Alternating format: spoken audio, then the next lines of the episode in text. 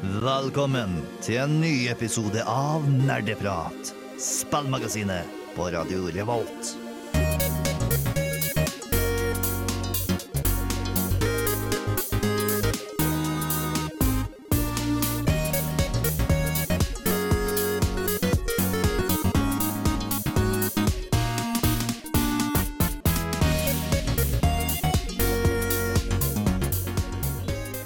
Hjertelig velkommen til en ny sending av Nerdeprat, kjære nerdejenter og nerdegutter og mødre og fedre som hører på Nerdeprat. I dag skal vi snakke om indiespill, både i Norge og utenom Norge og overalt. Eh, så eh, på agendaen vår i dag Tommy, eh, vi skal innom indiespill, men hva er andre temaer som vi skal innom i dag? Eh, vi skal jo innom generelt hva et indiespill er. Og så etter det så tar vi en liten tur innom eh, det Norge er kjent for. Altså at Norge er veldig kjent for indiespill Aha. og har veldig mange indieutviklere. Uh, etter det så tar vi en liten uh, tur innom uh, det norske indiespillmiljøet. Og så snakker vi litt om hva forskjellen på trippel A-spill og, og indiespill er. Mhm. Supert. Og med oss for å takle den bølgen, så har vi deres faste nerdecrew. Anna. Og Torben. Og som du hørte meg og, og da Tommy. så vi eh, trill, truller, tru, truller, triller videre. Tuller og triller videre. Uh, starter da vår sending med Kompass, som har Tar deg igjen her på Nerdeprat. Der hørte du Kompass med Tar deg igjen, som vi truller tydeligvis med inn i sendingen vår. Eh, siden sist så har vi som alltid spilt litt her og der. Gjort noe spennende. Jeg hørte rykter om at eh, Anna hadde vært borti noe fancy mobilspill. Stemte det? Altså, fancy og fancy. Det er et lite enkelt mobilspill som heter Flow, eller Flow Free. Som er utviklet av eh, Big Duck Games, og det kan du da finne på mobiler. Fordi jeg har ikke hatt så mye tid til å sette meg ned foran TV-en og med konsoller eh, i det siste. Så da er det mobilen man får tilbake på, da. Det er jo det. Ja. Er det sånn eh, du kan spille den mens du sitter på toalettet og på bussen og Ja. sånn vanlig? Det kan man. Eh, fordi Flow Free det går ut på at eh, det er et slags strategi-puzzle-spill hvor du skal koble sammen fargede dotter, og så skal du dekke et helt rutenett, da, som er den ene banen eller det ene nivået. Og det skal du gjøre på færrest mulig bevegelser. Så får du uh, stjerner etter hvor bra du gjør det. Så det er liksom om å gjøre det, og gjøre det på færrest mulig trekk, da.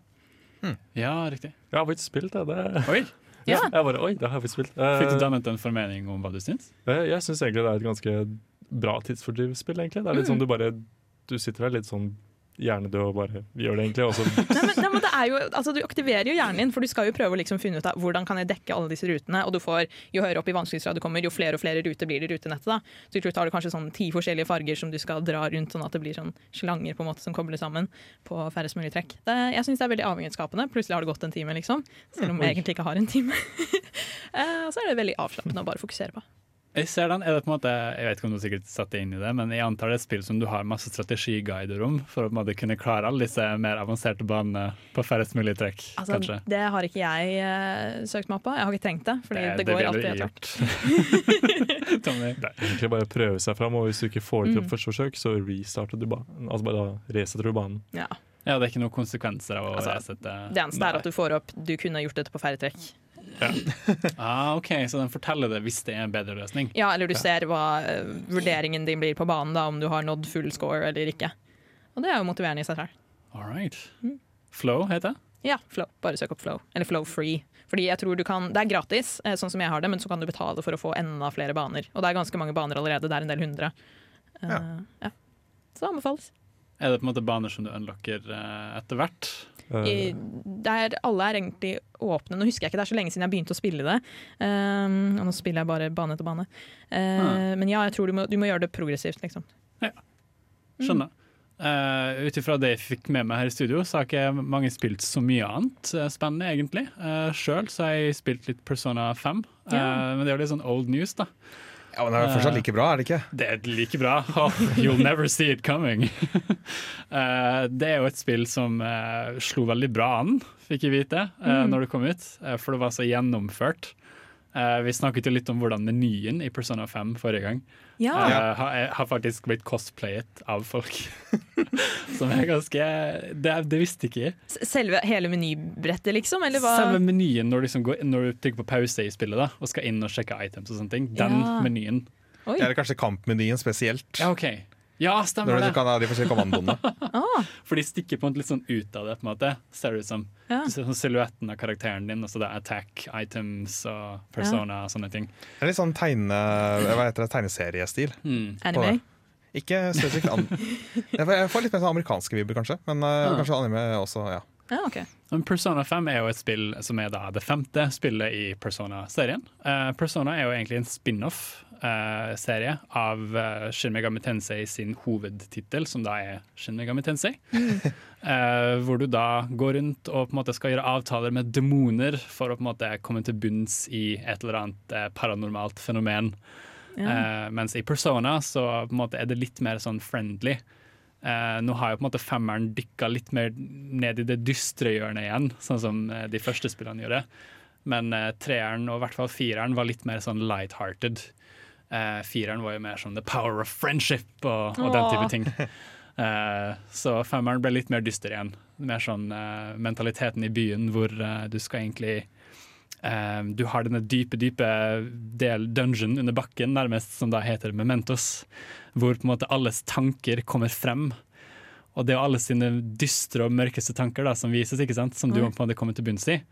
Eh, og jo dypere ned du kommer her, da, jo mer, jo mer shit finner du, kan man si. Det høres ut som noe jeg hadde lyst til å spille, i og med at jeg studerer psykologi. Det kan være interessant for en psykolog. Eh, definitivt. Eh, så det, jeg syns det var utrolig spennende. Ja, det er også veldig bra spill hvis du er fan av god spillmusikk. Å ja, herregud. Oh.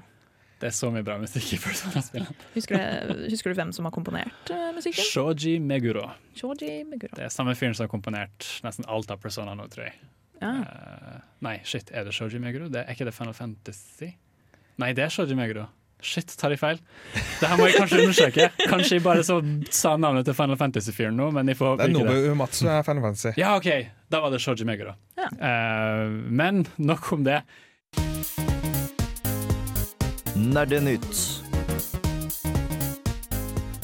Vi beveger oss vekk fra Inga med Got Me og over til Nerdenytt. Og nyhetskorrespondenten vår i dag er Anna. Yay. Hva, hva spennende ligger oss i vente i dagens nyhetssending? Nei, det er jo en liten oppdatering på The Witcher-serieadaptasjonen som Netflix holder på med, blant annet. Eh, og kan du bare ta for meg den først, egentlig? Ja, sure, kjør på. Yes, fordi Vi har jo snakket om det før, at The Witcher skal eh, gjøres om til en Netflix-serie. Og det har vært mye ståhei rundt det. En ting som har skapt kontrovers før, det er castingen av um, eh, Siri, som er en karakter i spillet. Ja, for det var Eh, jo snakk om at hun kanskje skulle castes eh, av en eh, mørk eller asiatisk kvinne. ja, det var mye spekulasjon rundt det, og det ble jo så klart, fordi det er internett, det er masse kontroverser. Ja, furore. Eh, men nå er det blitt bekrefta at det er eh, en dame som heter Freya Allen, som bl.a. har spilt i War of the Worlds og Into the Badlands, som skal spille Siri. Hun er 17 år gammel, og eh, ja, hun har jo ikke vært med i noen spillserie før. Hun har ikke vært med i så mye forskjellig, egentlig. Hun så ganske ung ut, eh, egentlig. Ja, eh, 17 år gammel er hun. Men, eh, men likheten er jo der, da, Synes jeg. Jeg syns hun ser ut som hun kunne spilt Siri. Jo. Så hvis det på en måte er noe de har tenkt på, Det er det nok helt sikkert. så er jo det egentlig ganske kult. For Ja, for det var jo litt av kontroversen rundt når de spekulerte på de andre castingene som du nevnte. Det var ja, men du må jo ha en skuespiller som ser mer ut som Siri, sånn som hun er i spillet. Og nå er folk de virker relativt fornøyde, da, eller så fornøyde som man kan bli når man kommer til spill og blodfans og adaptasjoner av ting man er glad i. Folk var jo spesielt bekymra for eh, å caste da en mørk eller asiatisk kvinne i en rolle som er opprinnelig av en hvit eh, jente, sant, i Ja. bøkene og sånn. Ja. At det ville da ikke stå i tro til eh, det originale verket. Nei, for tanken er jo at man skal øke representasjonen i spillseriene. Det er jo noe Netflix har prøvd å forbedre seg på. Eh, men eh, folk har vært relativt mer fornøyde med at det blir en, en hvit kvinne som skal spille henne. da. Tror det er viktigere å være mer sann til originalverket, og ikke gjøre sånn som de gjorde i Star Wars, hvor uh, han der Captain Organa, faren til Leia, plutselig kom tilbake som eh, mørk. Oh, han? Når han egentlig Ja. var hvit i den første, tre, eller første filmen, da, når du så han. Ah, ja, sant det. Så ja. Ja. Det er litt merkelig, da. Ja. Uh, men ja. What's next? Next så er det at spillet Dream Daddy kommer til PlayStation 4. Og det er jo eh, et eh, indiespill, passende nok, som blir utvikla av Game som har en eh, Let's Play-kanal på YouTube. Og eh, det kom ut i fjor, og nå kommer det da til PlayStation 4. Eh, og dette, dette spillet vil ha litt mer ekstrainnhold enn det originalspillet som ble lagt ut på Steam, og det kalles derfor for Dad Directors Cut. Så, altså ikke Directors Cut, men Dad Directors Cut, som jeg elsker fordi puns. Uh, det kommer ut 30. oktober. Og da får man alt som er i PC-utgaven. Man får også en del nye sideoppdrag, nytt joggeminispill og en par andre ting. Og så blir dette spillet tilgjengelig for alle som har kjøpt spillet og har det på PC fra før av. Uh, gratis. Så yay. Eh, I dag så koster det vel 100 kroner på Steam, og så er det vel antagelig det som blir prisen på PlayStation Store også. Mm. Mm. Kjempespennende. Jeg gleder Altså, jeg er ikke så spesielt fan av sånne spill til vanlig, sånn datingsims og sånn. Nei. Men wow, Dream Daddy ser så kult ut. Og de har også en dokumentar på Noclip. Eh, kanskje det var den du skulle nevne, Torben. Ja, jeg, jeg har ikke spilt spillet, men jeg, jeg har litt lyst etter å ha sett dokumentaren til Mm. Noclip. Den var veldig, veldig søt og gjennomført. Eh, man blir veldig glad i Game Grumps og på en måte hele prosessen. Man blir veldig glad i liksom innsats man gjør når man aldri har lagd et spill før, og så skal man plutselig lage et, og så blir det så bra. Det har jo blitt kjempebra tatt imot Mm. eh, av veldig mange. Fordi det er inkluderende og har jo liksom Du kan være Eller selve themet, for de som ikke vet det, er jo at du spiller en pappa som skal date andre pappaer. Ah. Derfor Dream Daddy. Noe for det, Tommy. Jeg har aldri Jeg har ikke sett en trailer engang, jeg. Oi. Ja, men da kan du sjekke det ut nå. Så Da må du sjekke ut dokumentaren på Noclip. klipp ja, Ja, den er eh, bra. Jeg har vurdert lenge, men jeg har bare ikke liksom tatt meg tid til det. Så det er litt sånn Slem Tommy. Bad Tommy. Nei, Har du, den, har du en liten eh, spennende nyhet til før vi hopper over til låt? En bitte liten ekstra en. eh, Det er at eh, Red Dead Redemption, som kommer ut om ikke så lenge, det ser ut til å bli utgitt på to CD-er i stedet for én i den fysiske utgaven. Eh, Fordi det, På de japanske utgavene av spillekselet så har det et symbol som sier to disker. Så da tenker man at ok, kanskje den ene disken da bare er for å installere spillet, for det kommer til å bli rimelig svært. Antas at det blir mellom 88 og 105 gigabyte stort. Og det er ganske mye diskplass. Så Eh, kanskje også blir det litt sånn som uh, uh, Metal Gear Solid, uh, det første spillet, hvor du da hadde to CD-er. mm. Så sånn midt inne i spillet så måtte du bytte CD for å spille videre. Oh, gud, nei. Det har vært så Eh, morsomt. Jeg tror ikke det er det, jeg men tror- eh, det har vært spill som har gjort det før. Jeg tror utviklerne tar hensyn til at folk er lite glad i det, å måtte bytte. Ja.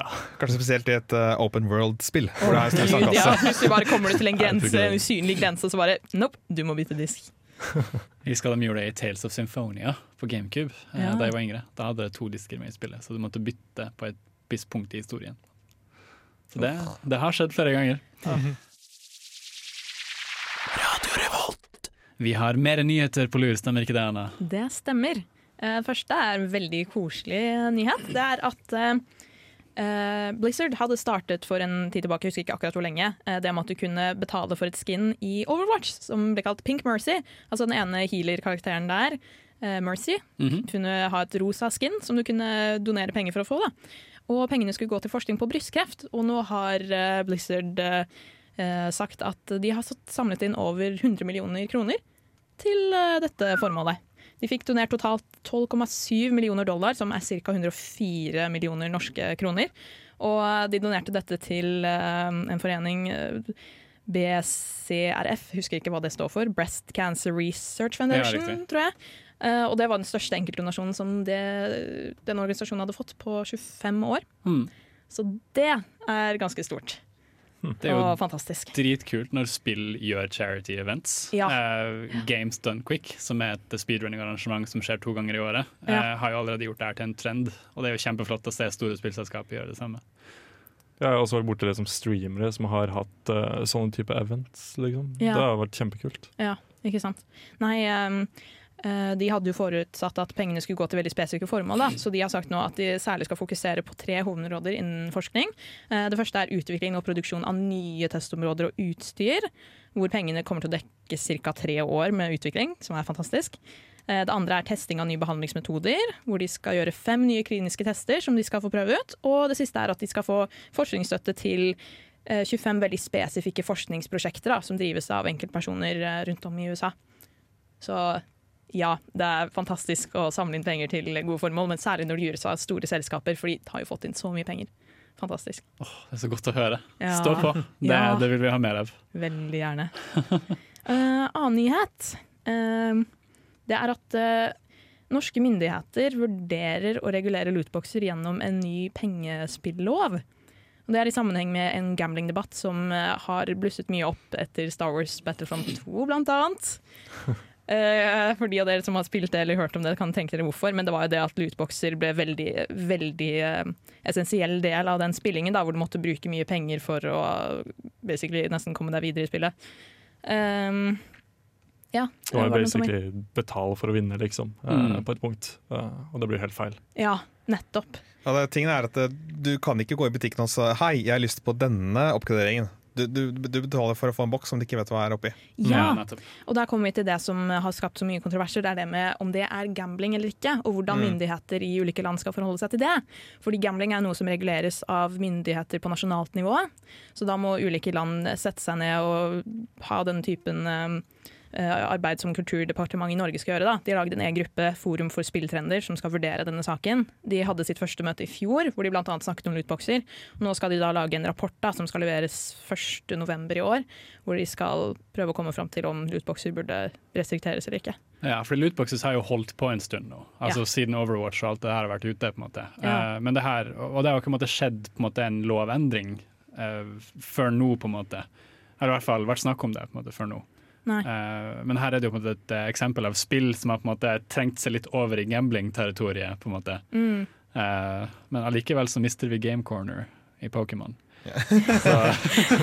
You know, priorities. Men, uh, men det er kjempegodt å høre at de faktisk snakker om det, for det, det er jo noe som burde reguleres, syns jeg. Ja, for du har jo også disse 15 landene, landene statene Mm. som også har slått seg sammen og skal liksom kjempe mot det her, da. Ja, Norge er vel et av eh, de, eller jobber i samarbeid med de, da. Ja. Med Lotteritilsynet i Norge, som skal definere eh, De hadde forresten ikke definert eh, lootboxer ennå som ulovlig gambling, men en annen ting som heter skinbetting, altså eh, når kosmetiske gjenstander som kan veksles i ekte penger, brukes som spillsjetonger, på en måte.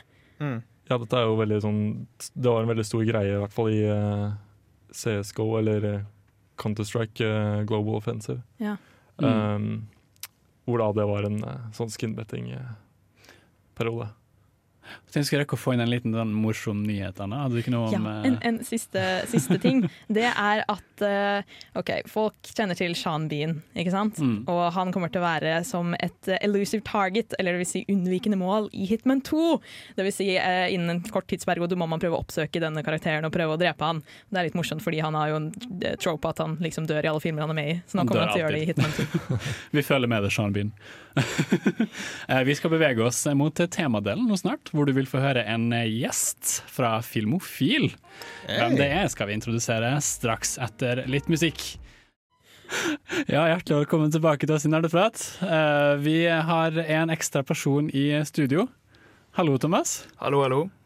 Hjert- Rett fra Filmofil-hjørnet og inn i Nerdeprat-hjørnet. Ja, jeg har kommet litt tidligere. Jeg møtte opp litt tidligere på, på dagen, så jeg tenkte da kan jeg være med på nerdeprat. Åh, Det er så godt å høre. det. Ja, de, de føler pønsene mine ble for mye, og så ble det for mye snakk om bare sånn spesifikk comic book nerding, så jeg ble bedt om å komme her og få tømt meg litt. På den nerdesiden min før jeg kan komme tilbake. Du er jo allerede kjent med Tommy, er du ikke det? Ja, jeg vil si det. Ja, vi er vel, eh, er vel ganske, ganske godt kjent nå. Jeg vil si jeg vet hvordan han sover. og hva han spiser. Ja. av hva han gjør på daglig daglig basis. Ja. Og hvilke serier han ser på. Jeg bor med han, folkens. Det er ikke noe stalking her. Er. Godt å få det avklart. Ja, jeg tenkte det. For vi, vi skal jo snakke litt om indiespill, Thomas, og det syns du hørtes dritspennende ut. Det gjorde det. Uh, og du vet jo da hva indiespill er for noe? Det jeg vil si jeg, jeg kan prøve meg på å forklare for det er en litt sånn vanskelig sjanger å beskrive, syns jeg. Ja, Eh, Prøv men jeg. Indiespill for meg er jo sånn small developers som ikke er de store. Altså Det er alle disse her som ikke har millioner og millioner i budsjett, Men jeg syns det er vanskelig å definere når noe slutter som indie, og når noe begynner som big company. For Er det det at de har navnene sine på det, eller er det det at med en gang du får mer enn to millioner, så er du ikke et indie-spill lenger? Hvor går den grensa? Eh, Jeg vil vel si at Litt av poenget er at indie eh, står for independent, eh, independent Independent. Står for en independent spillutvikler. Eh, altså en som utvikler spillet alene og ikke som en del av eh, et stort selskap. Eh, type EA eller noe sånt.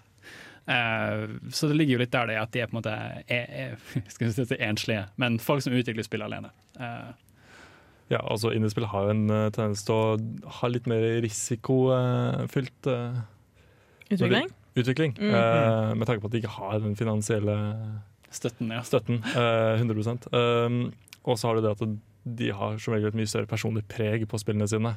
Mm. Mm. Mm.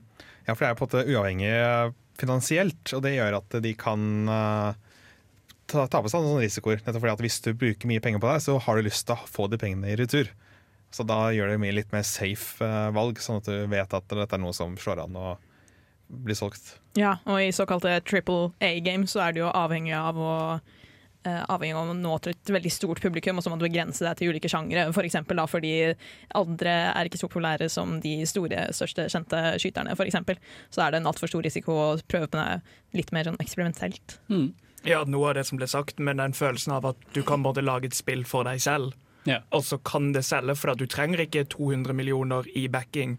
For mye av det går jo til reklamering også, eh, men du kan på en måte lage et spill du selv har lyst til å spille, og så trenger man fordi at Ja, det er mange som ofrer liksom mye av sin økonomi, men det er jo noen som bare gjør det som et sideprosjekt, og så gikk det faktisk bra. Fordi de vil ha noe å lage selv. Så det er den kreativfriheten for å kunne etterforske eh, spill som er for, for narrow for visse personer. Ja. For, eller for en større marked, for du kan ikke selge to millioner copies av Dirth Digger 4. Ja, no noen eksempler, da. Eh, Fordi ofte er det jo veldig krevende prosjekter som tar lang tid for veldig få utviklere, i og med at de er få. Eh, Det er jo Undertale, eh, Ja. Fez, sånne type spill, og så Super Meatboy. Og det var noe som vi så på litt uh, i uh, Indie Game eh, The Movie, Mm. som tar for seg spesifikt da særlig utviklerne av Fez og Super Meatboy, og hvordan de sleit med å komme i havn med å utvikle prosjektene sine. da. Det var ikke måte på hva de gikk gjennom. Altså. Nei. Og hvordan de valgte å shave håret sitt. For alle har skinnskjegg. alle de har skinnskjegg. Jeg satt der og bare cringa, for alle har skinnskjegg. Og jeg var sånn eh, Jeg må reevaluate det å ha hår i fjeset mitt nå. Når du sier det, så husker jeg faktisk det. Det er litt morsomt er at Wikipedia-artikkelen om eh, indie game, eh, video game development lister noen sånne på en måte, eksempler på det vi typisk kaller indiespill, men som utfordrer litt den tanken vi har om eh, indiespill. For jeg, jeg lurer på om studio Hva, hva synes dere? Er Journey et indiespill? Ja, Mm. ja. syns absolutt det. Både ja og nei, for de har vel en del backing fra uh, PlayStation, det. Nettopp. Det er, ja. Sony har uh, både vært utgiver for spillet, og også de som har vært med å finansiere.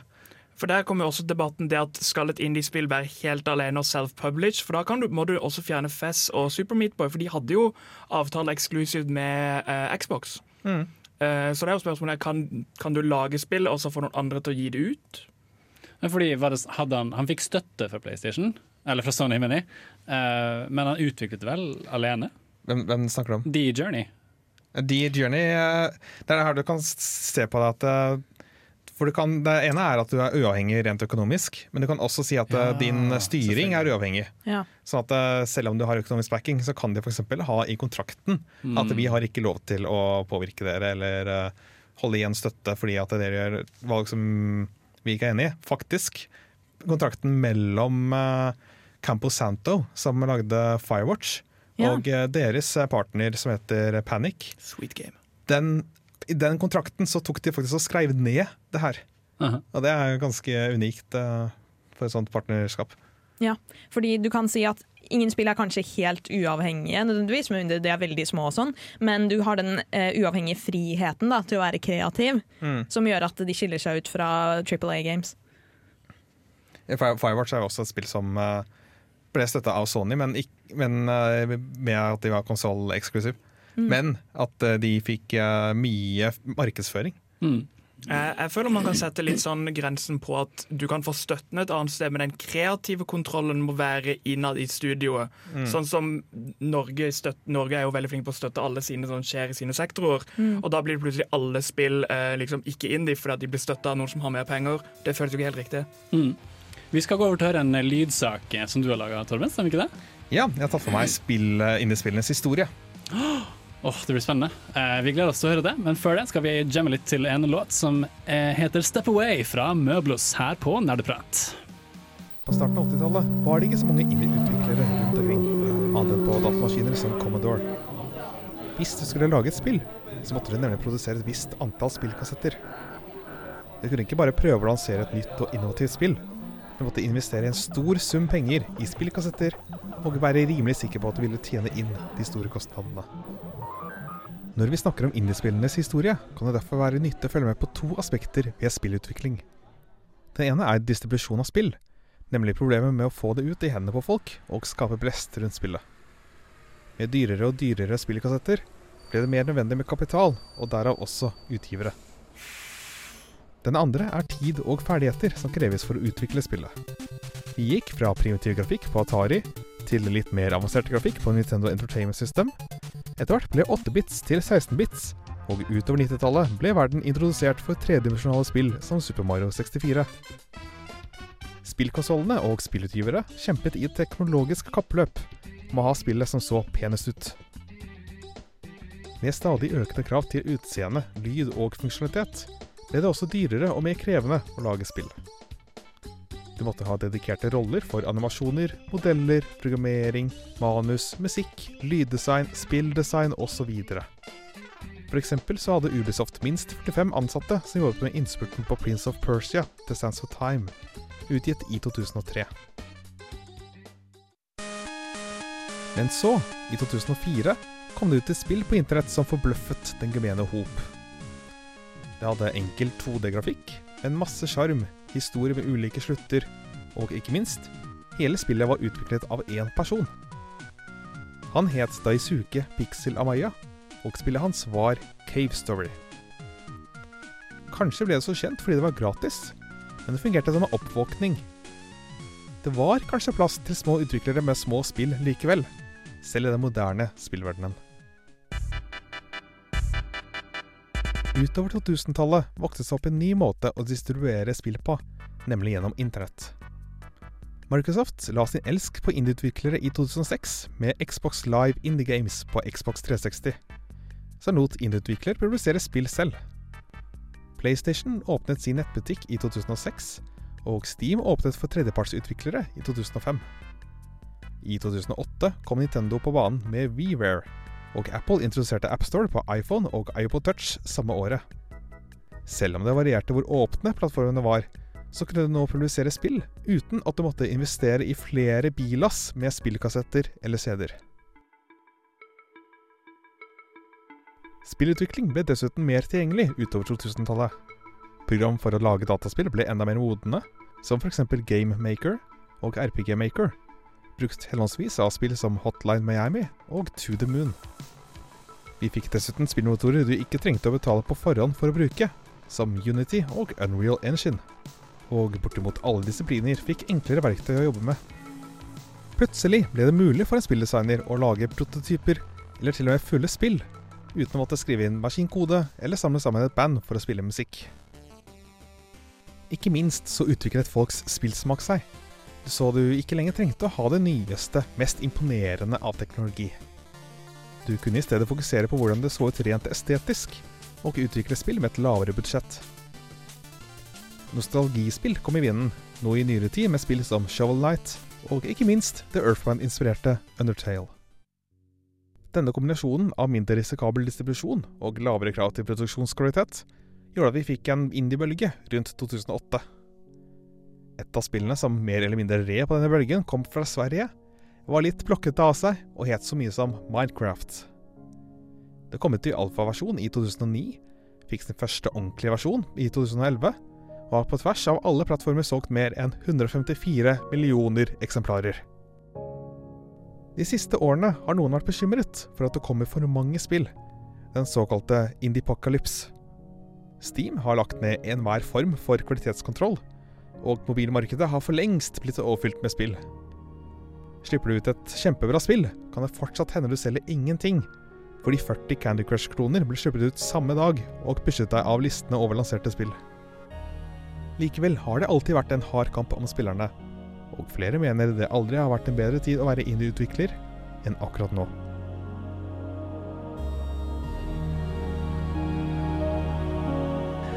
Eh, wow, Torben. Det var en utrolig informativ eh, historie om eh, indiespill. Ja. Ja, jeg håper jeg lærte noe. Jeg vil si det. Uh, nå skal vi jo snakke litt sånn om norske indiespill og spillutviklere, så det her går jo veldig inn i det. Mm. Uh, du nevnte jo utrolig mange spennende ting. Nesten ikke hva jeg skal ta tak i først her. Uh, jeg hørte To the Moon, det var liksom da, da ble jeg veldig med. uh, men du snakket jo litt om uh, blant annet hvor viktig det er for et indiespill å få blest. Mm. Eh, for som du nevner på Steam her, så er det jo ikke akkurat eh, lett å bli sett. Det er det ikke. Eh, Så norske spill har litt sånn, eh, har litt sånn eksotisk kvalitet ved seg. da. Jeg føler jeg at det er mange utenfra som ser på disse å, de nordiske omgivelsene. Og nå jeg jobber jo Red Fred Games jobber med Draugen, for eksempel, som tar for seg mye sånn uh, Vet dere Mye av mytologien vi har, da. Norrøn eh, mytologi. Mm. Eller kanskje ikke så mye, men sånn folk, folk, Men sånn folkemyter. ja. Ah, ok. Er dette et spill som har Skrekkspill eh, som går uh, Bruker mye av de norske mytene og historiene. Har det kommet ut, eller? De jobber med det. De jobber med det, ja. Ja, ok. Kult. Tommy? Så har du også Quillbite, som nå jobber med sitt mosaikk og snart kommer ut med det Ah. i 2019, så vidt jeg har skjønt. Riktig, riktig. Vi har jo en god del eh, spillutviklere i eh, Norge, har vi ikke det? Vi har ganske mange. Det, det har blitt en del nå. Eh, vi nevnte jo Forrige gang så nevnte jeg i hvert fall Shadow Puppeteer av Sarepta, eh, som vi hadde mest kjennskap til. Men utover det så har de som du nevnte, Tommy, Krillbite, som Ja. da har laget the Sleep. Eh, du har jo Dpad Studios, som laget Owlboy.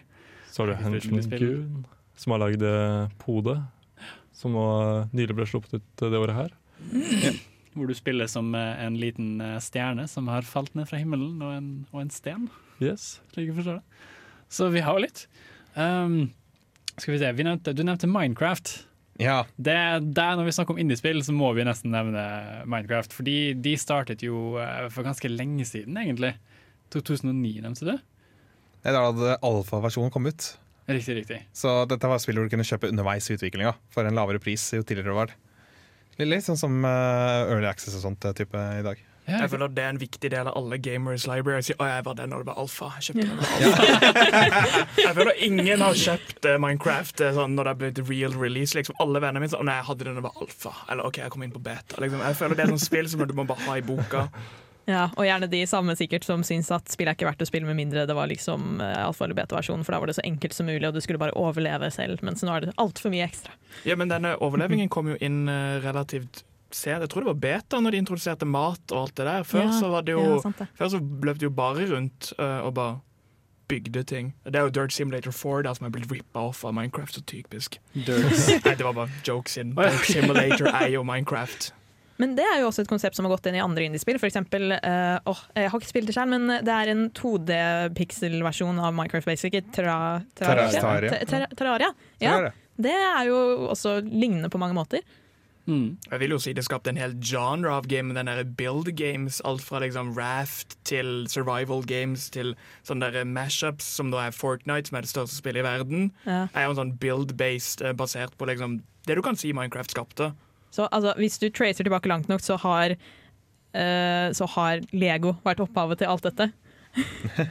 Lego, ja. Men du, Torven, du nevnte denne her Indiepocalypse. Indie-pocalypse. Ja. Hva, hva er, det høres litt skummelt ut. Hva er det egentlig? Det er, for et par år siden tilbake så var det, begynte folk å bli riktig bekymra. For da er det på en måte vært en slags eh, Da hadde du den indie-bølgen. Mm. Og så frykter de at vi nå ville, et, etterkant av den, si at nå er det så mange som utvikler spill. Nå går det inflasjon i spill.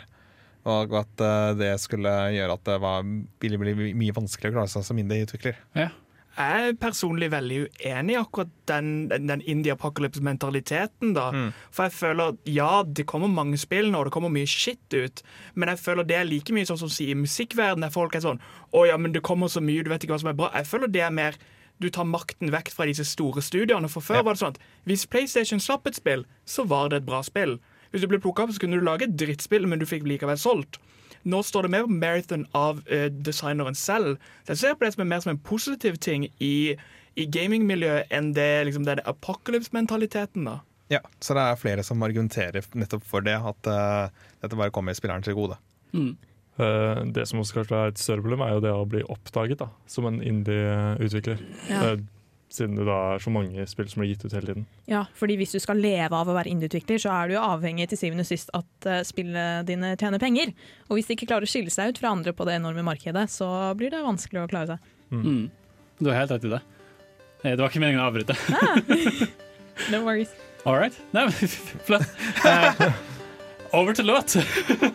eh, Fez, som dere begynner å høre litt i bakgrunnen her, er jo også et eh, indiespill som eh, vi i hvert fall har sett litt mye av etter å ha sett Indie Game The Movie. Tommy. Yes, det har vi sett mye. Som vi snakker litt mer om lenger ut i sendinga. Du skal føre låt av Fez her, som heter 'Adventure', som er komponert av Disaster Peace. Ikke gå av sted. Du, vi Whatever. Disaster Peace med 'Adventure', en låt fra Fez, hørte du der. Vi snakket eh, så vidt om eh, indiespill og mer om Indie Game The Movie, så vidt toucha vi innom. Eh, vi tenkte, å snakke litt mer om det, fordi det viser seg at Thomas har jo også sett den. Det var jo på en måte hjemmeleksa vår, men du har jo også sett den, Thomas. Ja, det var litt sånn Tommy, kan du være med og se denne filmen, vær så snill? Ah, Nei, det var egentlig ikke det. var sånn, skal vi se denne filmen? Jeg bare, sure. Eh, og jeg har sett den, jeg har sett den før, eh, og jeg husker eh, at jeg hadde samme meninger som det jeg hadde første gang jeg så den. Og det er at jeg hater han Fess-fyren. Han er så ille. Jeg vet ikke, bare Fess-shit. Han gir Fedora sitt dårlig navn. Oh, Damn, harsh, dude. Phil, ja. Phil Fish brukte jo var, var over tre år på å lage Eh, Det var fire. Fire. ja. Mm. Yes. For han snakket jo om, eh, om det her da, i eh, Indie Game The Movie, at Mm. han måtte lage spillet om igjen flere ganger, fordi han var ikke fornøyd med på en måte, det han hadde gjort. Så han hadde, hadde laget eh, grafikken og designet, og så eh, gikk han inn i seg sjøl, lærte litt mer, og så kom han tilbake igjen og så at det her ser jo jævlig ut, jeg må lage det på nytt igjen. Og ble liksom aldri ferdig. Nei, i, i filmen så sier han jo at han redesigna spillet tre ganger. Ja. Så han var perfeksjonist til de grader. ja. Eh, bare for å vinkle det litt vekk fra Indian Movie, bare sånn for å sammenligne. Uh, Deepad Studio, de som lagde Owlboy, uh, de brukte ni år på Owlboy. Eh, de, var jo, de hadde jo et spill etter et år, men de brukte åtte år på å liksom uh, finpusse det, da, så vidt Mm. jeg skjønte. Ja. Men det er vel en sånn generell ting i spillmiljøet at folk forventer ikke hvor lang tid det egentlig tar å designe games. Det er noe jeg føler I hvert fall som en eh, fan av litt større spill, som type eh, Elder Scrolls, der du forventer at de helst skal slippe et helt nytt spill året etterpå. Selv om det tar jo ti år med design. Mm. Man må også tenke på det faktum at du har bare én spillansering. Så hvis Ja. spillet er eh, crap eller ikke helt uh, perfekt, da, så har du på en måte ikke en ny sjanse til å gi spillet på ny og få folks nye mening om spillet. De sa jo i In the Games The Movie at eh, hvis i det, det du selger på én dag, er jo en, eh, altså er en prosentvis visning av hva du kommer til å selge i løpet av hele perioden. Den, at hvis du selger dårlig den første uka, så er du fucked, liksom. Mm. Ja. Og en annen ting med det tidspresset som også ble nevnt av eh, han Fish i filmen, det var det med at, at du får så mye press på deg som enkeltutvikler at folk kanskje er mer tålmodige når det er større selskaper som skal lage Triple A-spill, mens han hadde folk som hele tiden maste på ham på nettforum sånn 'Hvor er spillet? Hvor, hvorfor svikter du oss?' liksom, nesten. Ja, det, men det var også det at det kan du også debattere om det var han som viste ting for tidlig. Ja. Om han begynte å legge ut demo for tidlig. For det er litt sånn Du, du legger ikke ut en trailer fem år før du slipper filmen. Det er en, det er en grunn til at filmer vanligvis er ferdige, og så kommer traileren, liksom. Det er i klippefasen de slipper traileren. Ja, fordi markedsføring, særlig for indiespill, er jo en kjempeviktig del av det som vi snakket om tidligere, å bli sett i mengden av spill. Og hvis du skjærer deg litt feil på det, så kan du fort bare drukne. Ja, og Det er litt egentlig synd at vi har de forventningene til sånn markedsføring. fordi at uh, det er flere utviklere som har prøvd å være litt ærlige og sånt. Prøvd å lyst til å vise ting underveis, men da ender det bare opp med at folk bygger seg opp forventninger og blir sure hvis de kutter ut et eller annet eh, som de hadde håpet å få inn. No Man's Sky. oh, gud. Eh, men No Man's Sky har jo fått ut en ny utgave nå, har jeg sett, som ble varmere tatt imot Det enn var jo den bare første. to år etter at de faktisk eh, sa, ga det de faktisk sa i den første releasen sin, så tok det bare to år og ni updates. Man kan jo kort nevne litt om eh, sammenligne litt med Norge og Trondheim. Ja, Eh, vi har jo steder som WorkWork, her i Trondheim i hvert fall, ja. hvor eh, vi har spillutviklere som lager spill. Det er jo dritkult. Mm. Eh, kan vi nevne litt mer om finansiering? Tommy, du hadde litt om det. Uh, ja, altså finansieringen kommer jo veldig an på det, men liksom markedsføring via internett, da. Uh, det slo jo veldig an på den tidlige 2000-tallet at uh, det ble veldig mye lettere å finansiere spillene dine fordi internett Internett har blitt en så stor liksom Et så stort hjelpemiddel da, for å markedsføre spillene dine. Vi lever jo in the age of Let's Plays.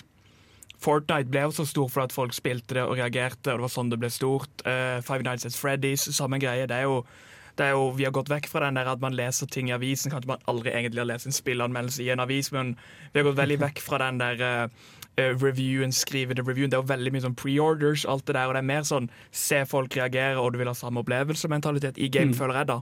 Ja, og noe som jeg særlig følte utløste den Let's Play-populariteten, det var jo ikke norskutvikla, men svenskutvikla Amnesia, som er i skrekkspill. Og særlig skrekkspill er det jo mye av i indie-sjangeren, og det er det som ofte har høy underholdningsverdi da, på Let's Plays. Vi må trille ballen videre. Eh, vi skal høre på litt eh, Owlboy-musikk mens vi beveger oss mer inn i Gud, det var mye å snakke om her. Så don't worry, guys, you, you will get to speak. Men her skal du få høre uh, Owlboy-soundtrack, uh, Valley Owlboy Theme, som er komponert av Jonathan Gear.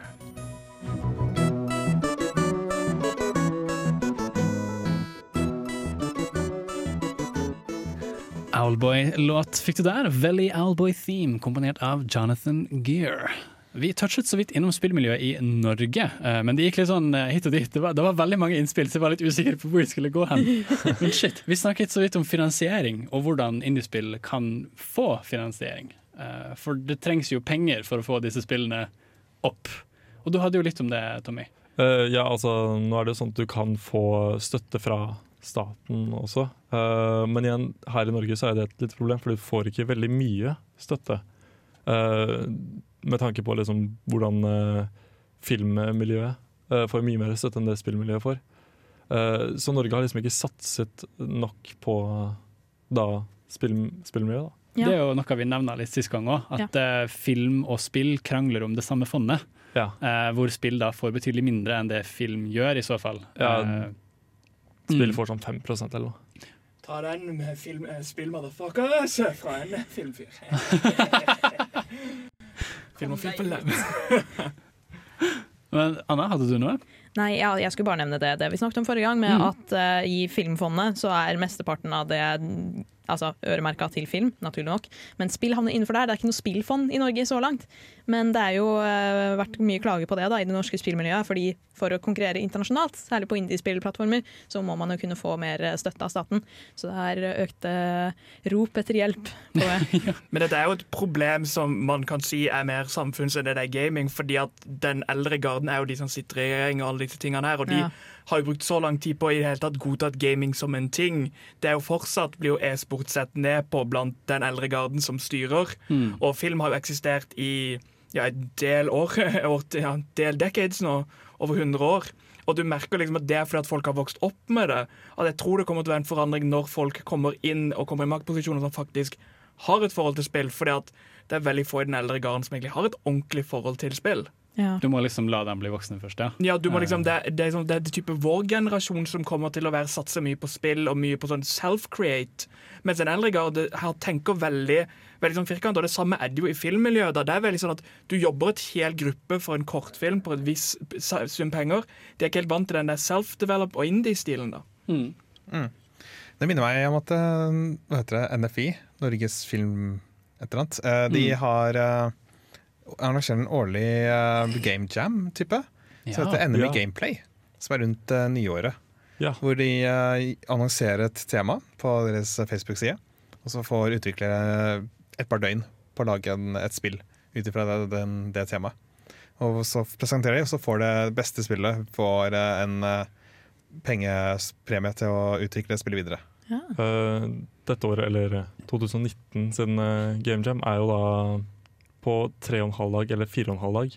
Mm. eh, som var faktisk relativt lite, så vidt jeg hadde skjønt, eh, fra spillet-communityen. Men altså, det er mer et konsept det er snakk om. Det er ikke sånn du må ha et ferdig forma spill. Det er jo umulig. Skal jeg komme med Elder Scroll 6, ellers så får du ikke penger.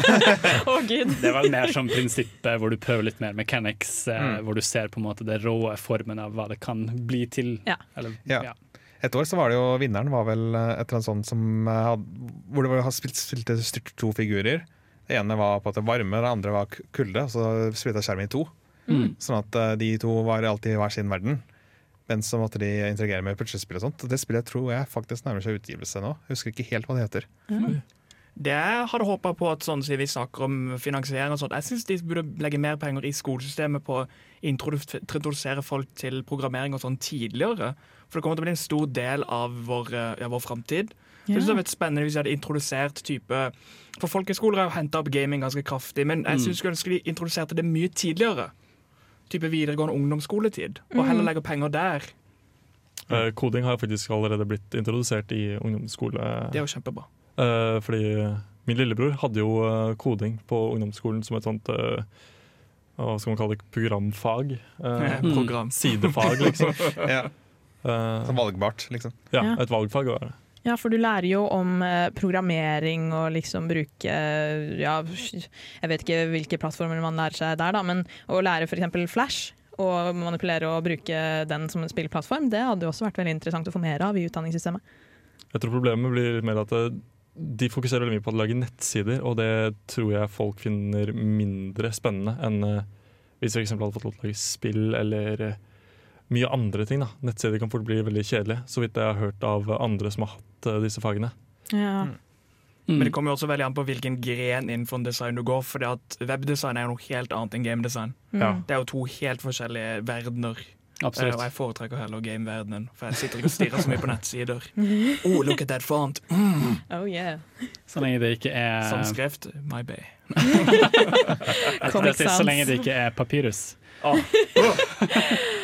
Men eh, vi, vi ruller videre. Vi skal snakke litt mer om indiespill versus trippel A-spill, for det er jo en ganske viktig ting å få unna vei. Eh, Men før det så skal vi høre litt på musikk fra Journey.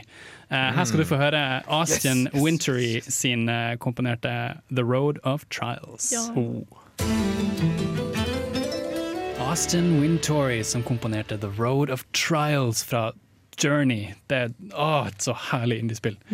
Eh, indiespill er jo litt annerledes enn trippel A-spill, kan man si. Ja, for trippel A-spill er jo typisk de store, gigantiske, påkostede spillene som Call of Duty, Battlefield og også Super Mario Odyssey og den type. Ja. Eh, Jeg innså at jeg egentlig aldri visste hva trippel A hva det står for, liksom. AAA. Oh, ja. Er det noe spesifikt? Dette googla vi når vi satt på Samfunnet, og det er visst er leveler av funding, har jeg skjønt, av et AA-game.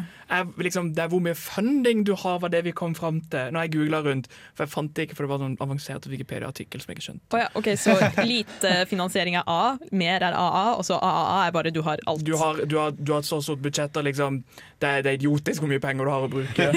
Jeg har alltid sett for meg at du har karakterskalaen fra F til A, og så har de bare ikke, Det er ikke A pluss, men det er AA, og så er det AAA. Bare helt Du toppen må bare Du må legge til to ekstra A fordi det er så bra. Nei, fordi eh, jeg tenker jo, Det er jo visse markante forskjeller i Ja, Thomas? Nei, jeg, jeg tenkte du skulle få lov å snakke ferdig, eh, så jeg kaster ballen tilbake, så kan jeg snakke etterpå. Uh, nei, nei, bare tuller med det. For det er visse markante forskjeller i indiespill og trippel A-spill. Hva er noen av de største forskjellene dere kan tenke på? Ja, det var, det jeg skulle si. At jeg tenker Et indiespill handler mer om eh, Hvis du tenker, hvis du tenker som, som en krig, så er A-spill det er de store Det er, liksom, det er, det er armadaene. Mens indie games er scouts. De scouter nye områder. Som eh, Minecraft scouta hele den der build simulator, som ingen turte å satse på. Men så å shit, folk vil ha dette her. Og nå har det kommet inn i Fallout, det kom inn i Skyrim, det kom inn i mange A-games. Så det er litt sånn scouter som går ut i nye områder som man ikke tør å satse 200 millioner dollar på, men som man kan satse 100 000 bare for å finne ut at OK, folk er ikke down for en simulator der du går i en vegg i fire timer, men vi er down for å spille uh, Stanley Parable der du skal bare leve et vanlig liv. Liksom, de, de oppdager the new frontiers. Ha, Star Trek reference. Tommy? Eh, Du har jo også at dag, den dag i dag da, så er jo indie games mye mer fokusert på historien i spillet. Uh, mens Trippel A har veldig mye begynt å gå vekk fra historien og singleplayer og heller over til multiplayer og Nei, sånne ting. Jeg kan si meg litt uenig på det med med story, for det kan være at vi har en forskjellig definisjon av story. For jeg føler veldig mye indie games DRS-spillere spiller, har handla mer om å utforske en eller annen spennende game mechanic, sånn type Minecraft eller Fury, eller games som har mer uh, elementer av game design enn story. Ja. Uh, jeg vil si meg litt uenig der igjen, for jeg syns det er Uh, Nei, men altså, jeg Fight, syns det er så fight. veldig mye Oi, nå hører du han Syns det er så veldig mye Ja. Eh, synes det er så veldig mye sånn gode historier i indie games som har blitt uh, Mm. Jeg synes det er mye mer av det enn det er liksom i mekanikken i seg selv, uh, så vidt jeg har sett, da. Ja, det, du, du har jo egentlig mest av nytt, mye, mye nytt av det fleste, men uh, indiespill har jo på en måte muligheten til å utforske andre måter å fortelle en historie på. Ja. At du kan ha nye spillmechanics, og at du forteller mye mer gjennom det, heller enn at du har kuttsekvenser. Mm. Eh, fordi indie games har en tendens til å liksom fortelle historien ofte, Det jeg har lagt merke til, er at de har en historie som uh, utvikleren gjerne vil fortelle. Uh, Mm. Det er utvikleren som vil, bare vil ha denne historien, fordi denne uh, historien har noe å si for utvikleren. Eh, ja, altså I den um, the Game The Movie-filmen så snakket de jo også med en som heter Johnson Blow, som lagde Braid, og han snakket Mm. litt om den forskjellen mellom indiespill og andre spill.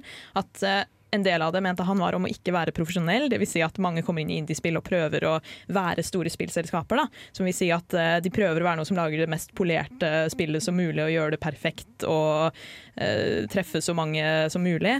Mens eh, han likte at det er litt upolert da, i indiespill, at det er mer personlig. At det er begge deler. da, At du kanskje forteller en historie, men også at du liksom, du har det bare gøy med de verktøyene du har til disposisjon. Og plutselig har du lagd noe som veldig mange liker. da. Fordi ja, eh, Det spillet hans Braid, en mekanikk han lekte seg med der, det var det at du kunne rewinde. Det vil si du kunne, Hvis du holdt på å falle ned et stup, så døde du ikke. Du kunne bare trykke på en knapp, og så rewinde du, kom opp på plattformen din du startet på, så kunne du prøve på nytt. Uten Mm. at du trengte å dø. da. Og det ble jo tatt veldig godt imot. Ja, for, eh, for jeg, som du har sagt tidligere, kommer fra filmofil, så jeg skal bruke en sammenligning i filmverdenen. Men jeg skal holde, jeg skal holde det nerdete. Jeg skal bruke Star Wars.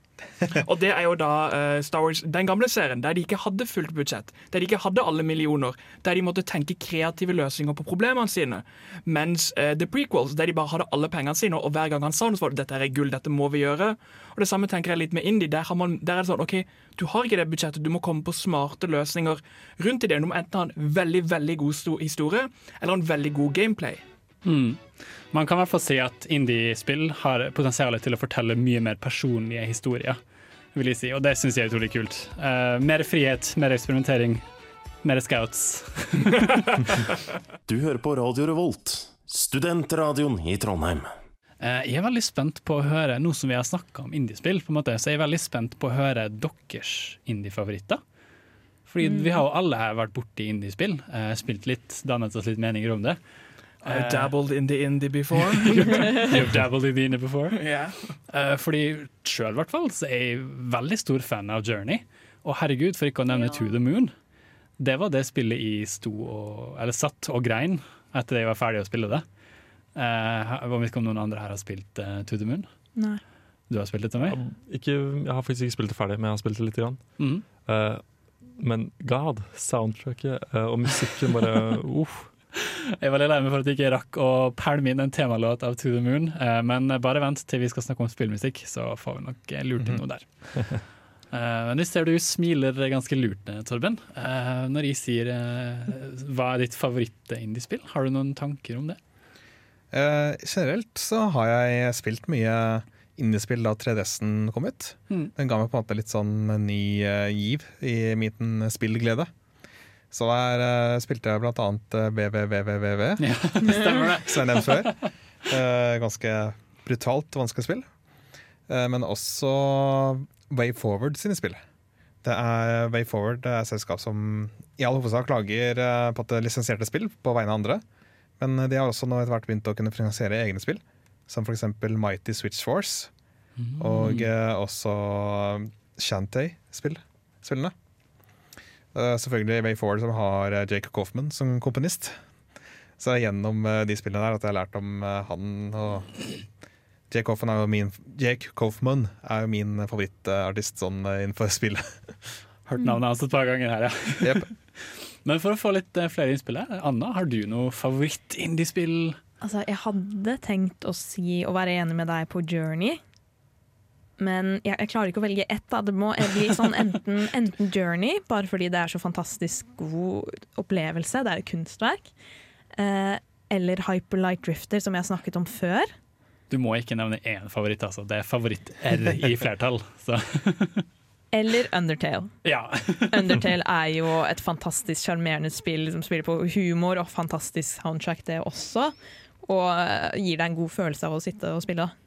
Litt avhengig av hvilken rute du velger å gå.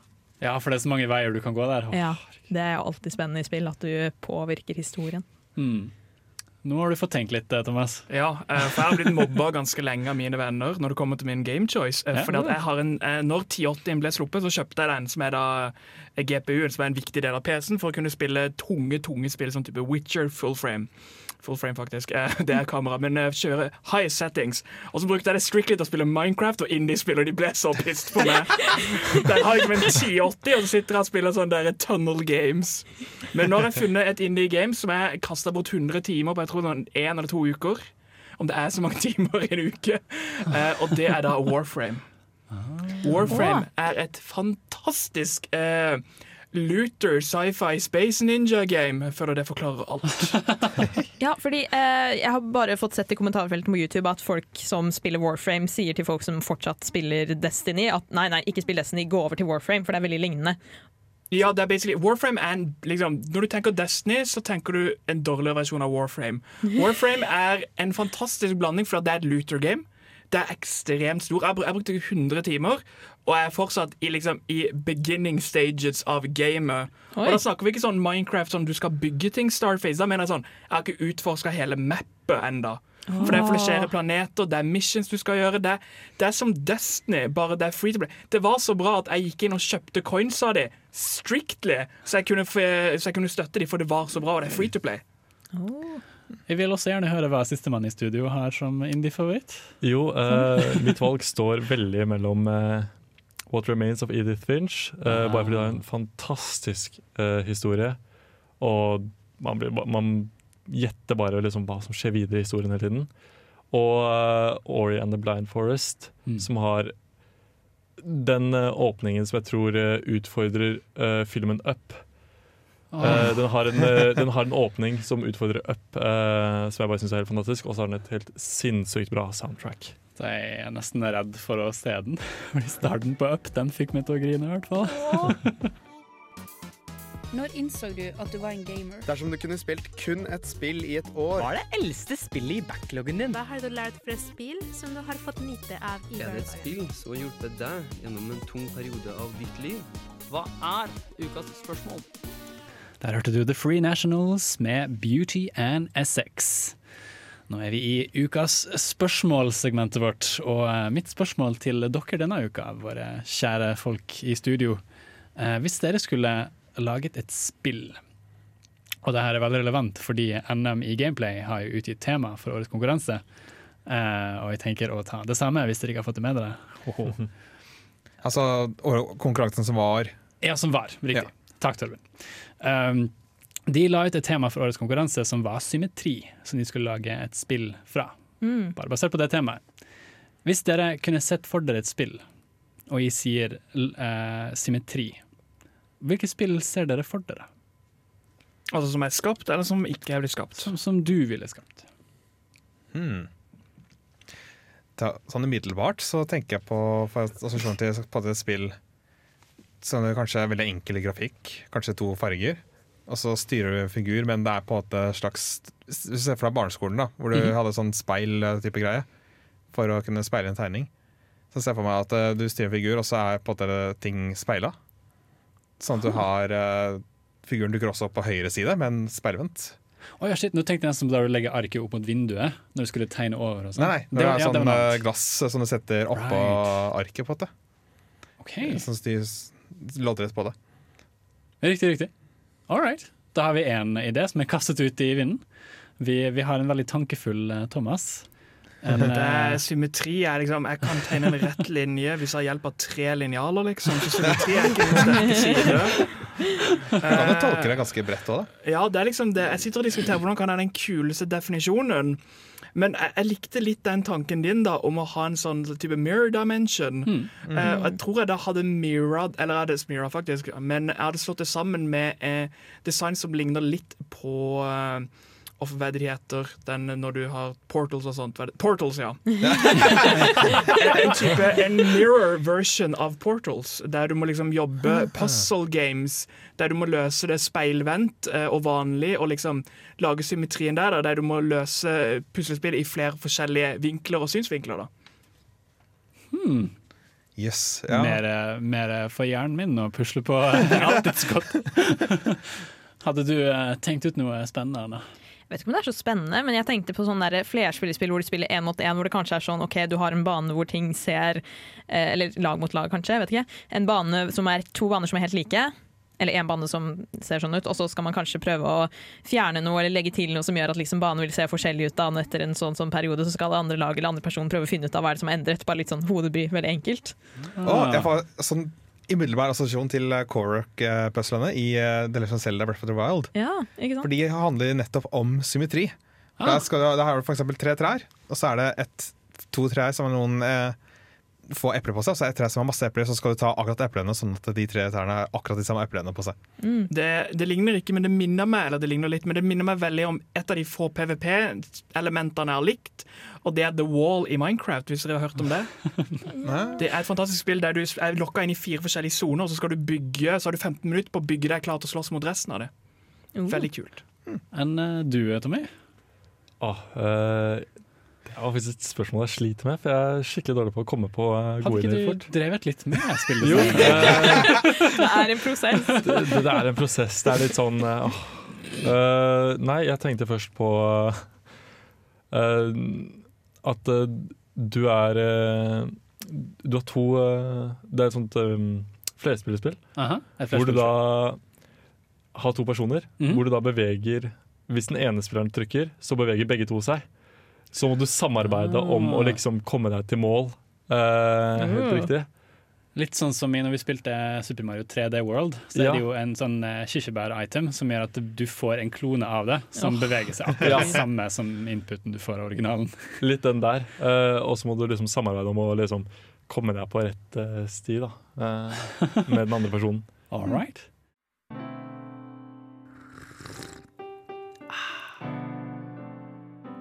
Ukas spillsmak. Der hørte du Pond med 16 Days her på Nerdeprat. Vi beveger oss inn i ukas spillsmak, eh, fordi vi har jo alltid spill vi har lyst til å smake litt på og anbefale for våre kjære lyttere. Eh, er det noen som har lyst til å kaste seg utpå med en gang med noe spennende som de har prøvd, som eh, de har lyst til å anbefale for lytterne våre? Hvis ikke, kan jeg starte. Jeg har ikke spilt det, men jeg har sett eh, et veldig kult spill eh, som jeg så en artikkel om på Kotaku, som handler om eh, å ligge i senga hele dagen. Det heter eh, self-care. Og det eneste det handler om, er at du skal eh, på en måte prøve å komme deg opp av senga. Eh, og i spillet så har du da veldig enkle minigames. som er ment for å være veldig ukomplisert og tilfredsstillende. Som f.eks. å sortere skittentøyet ditt. Eh, utenom det uh, så er det ganske enkelt, ganske pent å se på, men er ment for de som på en måte kanskje ikke spiller spill ellers. Eh, og være en inngang for de, da. Jeg har to spill for studenter som ikke har så mye tid, men har lyst til å ta en sånn rask runde i games. da. Hey, det liker vi. Og det er Minimetro, som er et av mine favorittspill. Der du basically skal bare lage metrosystemer rundt omkring i verden, og så skal du overleve lengst mulig og føre flest mulig personer rundt omkring på metroen. Vent, hvordan dør du når det er Eh, metro? Du dør når, du har, når det er en stasjon som har for mange folk som venter. Så hvis, okay. så hvis, fordi at Hver person skal til en ny location basert på shapes. Eh, og jeg tror aldri jeg kommer forbi 15 minutter der, egentlig. Eh, så der har man et raskt og enkelt spill som er kjempekoselig. Og bare, Jeg har spilt sånn fem timer av det, så det blir ikke kjedelig. Det er veldig sånn chill å ha noe å gjøre når man bare vil slappe av. Ellers er det Superhot. Som er et Mm. fantastisk gøy spill. Som er sånn shooter, thinker. For at tiden beveger seg bare når du selv beveger deg, og everything is a lie. Det er alt jeg har å si. Everything is a lie. Og det varer bare sånn to timer, det spillet, og da unlocker du en sånn free mode, der du bare kan løpe rundt og bare overleve. og Kjempegøy. Jeg tenker Pandemic når jeg hører den metro, eh, minimetro-greia, egentlig. Mm. Torven? Ja. Jeg har i siste Eller i går så fikk jeg prøve ut eh, Super Mario Party Ah, for første gang. I lag med Chris, hvis eh, noen husker han fra, år tilbake. Eh, vi fikk uh, spilt et, eh, et av brettene. Og jeg har ikke vært oppdatert på Mario Party i det hele tatt. Så det er på en måte, det utvikla seg st det stykket, da. Men det er på en måte tilbake til det mer tradisjonelle, at du eh, kaster terning, går rundt på bord. Men du har f.eks. flere terninger, så hver figur kan velge mellom eh, den klassiske 1, 2, 3, 4, 5, 6. Mens eh, jeg som eh, spilte Luigi, kunne også ha 1, 1, 1, 5, 6, 7 på terning. Mm. Og bruke den for å være litt mer gutsy og kanskje komme litt lengre. De har vel gått tilbake igjen nå til den sjangeren hvor du har forskjellige turns, eh, turer. Fordi i eh, noen av de forrige Mario Party-spillene så var vel alle sammen i en og samme vogn og bevegde seg på en måte eh, sammen. Ja, Det var en tidligere spill hvor det var sånn. Ja, Som ikke var så populær, slik jeg forsto det. Men Da var det mer poengbasert, da. Bare hvordan du rangerte på hvert nivå avgjorde om du Mm. vant eller ikke. Ja, noe sånt. Ja, slik jeg husker det, så skulle dere på en måte samarbeide om å unngå Bowser og sånne ting. Ja, ok. Eh, men da fjernet du elementet som mange likte fra Mario Party, som er nemlig det å på en måte eh, spille mot hverandre. da. Denne uvennskapelige eh, eh, sjangeren som Mario Party er ofte er kjent for. Mm. Mm, men eh, det er vel merke til, stjerner koster kun ti. Så det er veldig mye eh, kamp om stjerner, og det blir fort mange stjerner i spill. Ah, ok, Så det er på en måte økt. Ja, OK, jeg, jeg skjønner. jeg skjønner. Hadde du noe innspill, Tommy? Noe spill du har spilt? Eh, Jeg har dessverre ikke spilt så veldig mye nye spill i det siste. Altså. Nei. Dessverre. Det blir fort det med skole. Ja. Ja, ja, det samme her, jeg har ikke så mye tid, men er det innafor å snakke om et spill jeg gleder meg til? Jeg har allerede nevnt et spill jeg ikke har spilt engang, så jeg Ja. vil si ja. Det er absolutt innafor. Eh, det er et spill som heter Sable, utviklet av Shedworks, eh, Ja. utgitt av Roll Fury. du? Sable. Okay, Hva er det ute? Det er ikke ute nå, eh, men det kommer ut om ikke så lenge. Kanskje neste år er det vel. Det ble vist på forrige E3, ikke av de hovedspillene, men innimellom. liksom. Nydelig grafikk. Eh, ja, fordi det ser litt ut som Det minner meg veldig om både Ghibli, men også sånn gamle Tintin-tegneserier med måten det er fargelagt på. Da. Det er sånn, er det cell shading det heter? Um, hvor du styrer en figur som er kappekledd og går rundt i en ørkenverden, og du har sånne eh, Beskriver du Journey nå? Det minte meg litt om. Journey, men uh, grafikken er annerledes, og historien vil sikkert også være annerledes. Men det som tiltrekker meg ved den, er jo absolutt grafikken. Den ser jo nydelig ut. Uh, og at du liksom ikke får vite mye i den traileren. Du ser bare figuren som beveger seg rundt i ørkenlandskapet, og det er liksom estetikken da, som vil trekke meg mot det. Jeg kommer absolutt til å prøve det ut. Mm. Det er absolutt Innenfor å anbefale det. Jeg gleder meg veldig til det sjøl. Ja. Du nevnte jo Journey, og det minner absolutt om Journey.